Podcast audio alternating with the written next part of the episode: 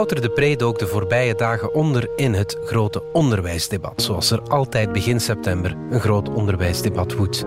En kijk, onze columnist werd er zowaar hoopvol van en hij weet ook wat er nodig is.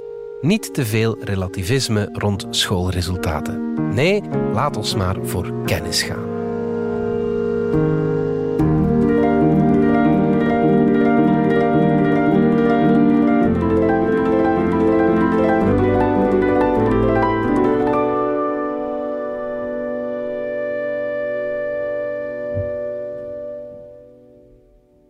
Het zal wel, dacht ik, toen zowel Dirk van Damme, Tim Surma en Pedro de Bruikere in kranten in ondertitels optimisme meenden te mogen koesteren bij de start van het nieuwe schooljaar.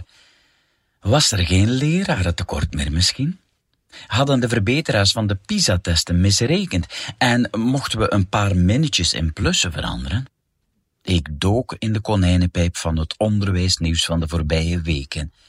Ik verwachtte een kakofonie van standpunten, voorstellen, intentieverklaringen, beschuldigingen en tegenzetten van de minister van Onderwijs, de onderwijskoepels, de pedagogen, de sociologen en de psychologen. Vervolgens zou ik, zoals steeds, niet kunnen beslissen of ik er kwaad dan wel wanhopig van moest worden, waarna ik het allebei terzelfde tijd zou worden. Uiteindelijk zou ik bewegingloos en zwijgend bij het vuur gaan zitten, om daar een godvergeten en vervaarlijke aanblik te bieden. In die positie zou ik verzuchten dat ik, dankzij mijn oude leraar Nederlands, wel nog wist dat ik hiermee het gedicht Het huwelijk van Elschot nabootste. Alle ingrediënten die we normaliter tot zulk gemok brengen, waren aanwezig in de berichten van de laatste weken. Minister van Onderwijs die het gebruik van andere talen dan Nederlands op de speelplaats wil verbieden, bijvoorbeeld. Jazeker, het gebruik van Nederlands op de speelplaats is nastrevenswaardig. Maar ziet iemand die werkelijk les geeft dit voorstel als realiseerbaar en handhaafbaar? Van de ritueel herhaalde tegenwerping dat meertaligheid automatisch positief is, werd ik nogthans ook niet vrolijk. Natuurlijk is een sterke vreemde thuistaal een troef, maar het zal me benieuwen welke vruchten de talrijke jongeren met een arme vreemde thuistaal later zullen plukken van hun meertalige grote troef. Dus ja, er was het jaarlijks terugkerende lawaai van politieke losse vlodders, met daarnaast de ideologische verblinding die niet veel zin heeft om naar de praktijk te kijken. En toch schoot ik deze keer niet in het gemok. Leraars weerden zich immers moedig in talloze lezersbrieven en Facebookberichten.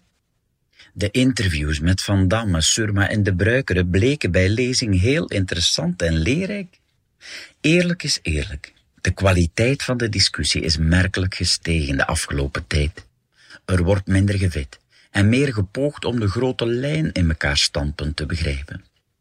En bovenal, voor het eerst sinds lang lijkt er inderdaad een gemeenschappelijke kern te bestaan. Zowat iedereen is overtuigd van het noodweer. Er groeit een consensus dat leraars een belangrijk beroep vervullen en dat ze onze volle steun verdienen. Dat een klemtoon op kennis doorgeven op een efficiënte en doortastende manier belangrijk is.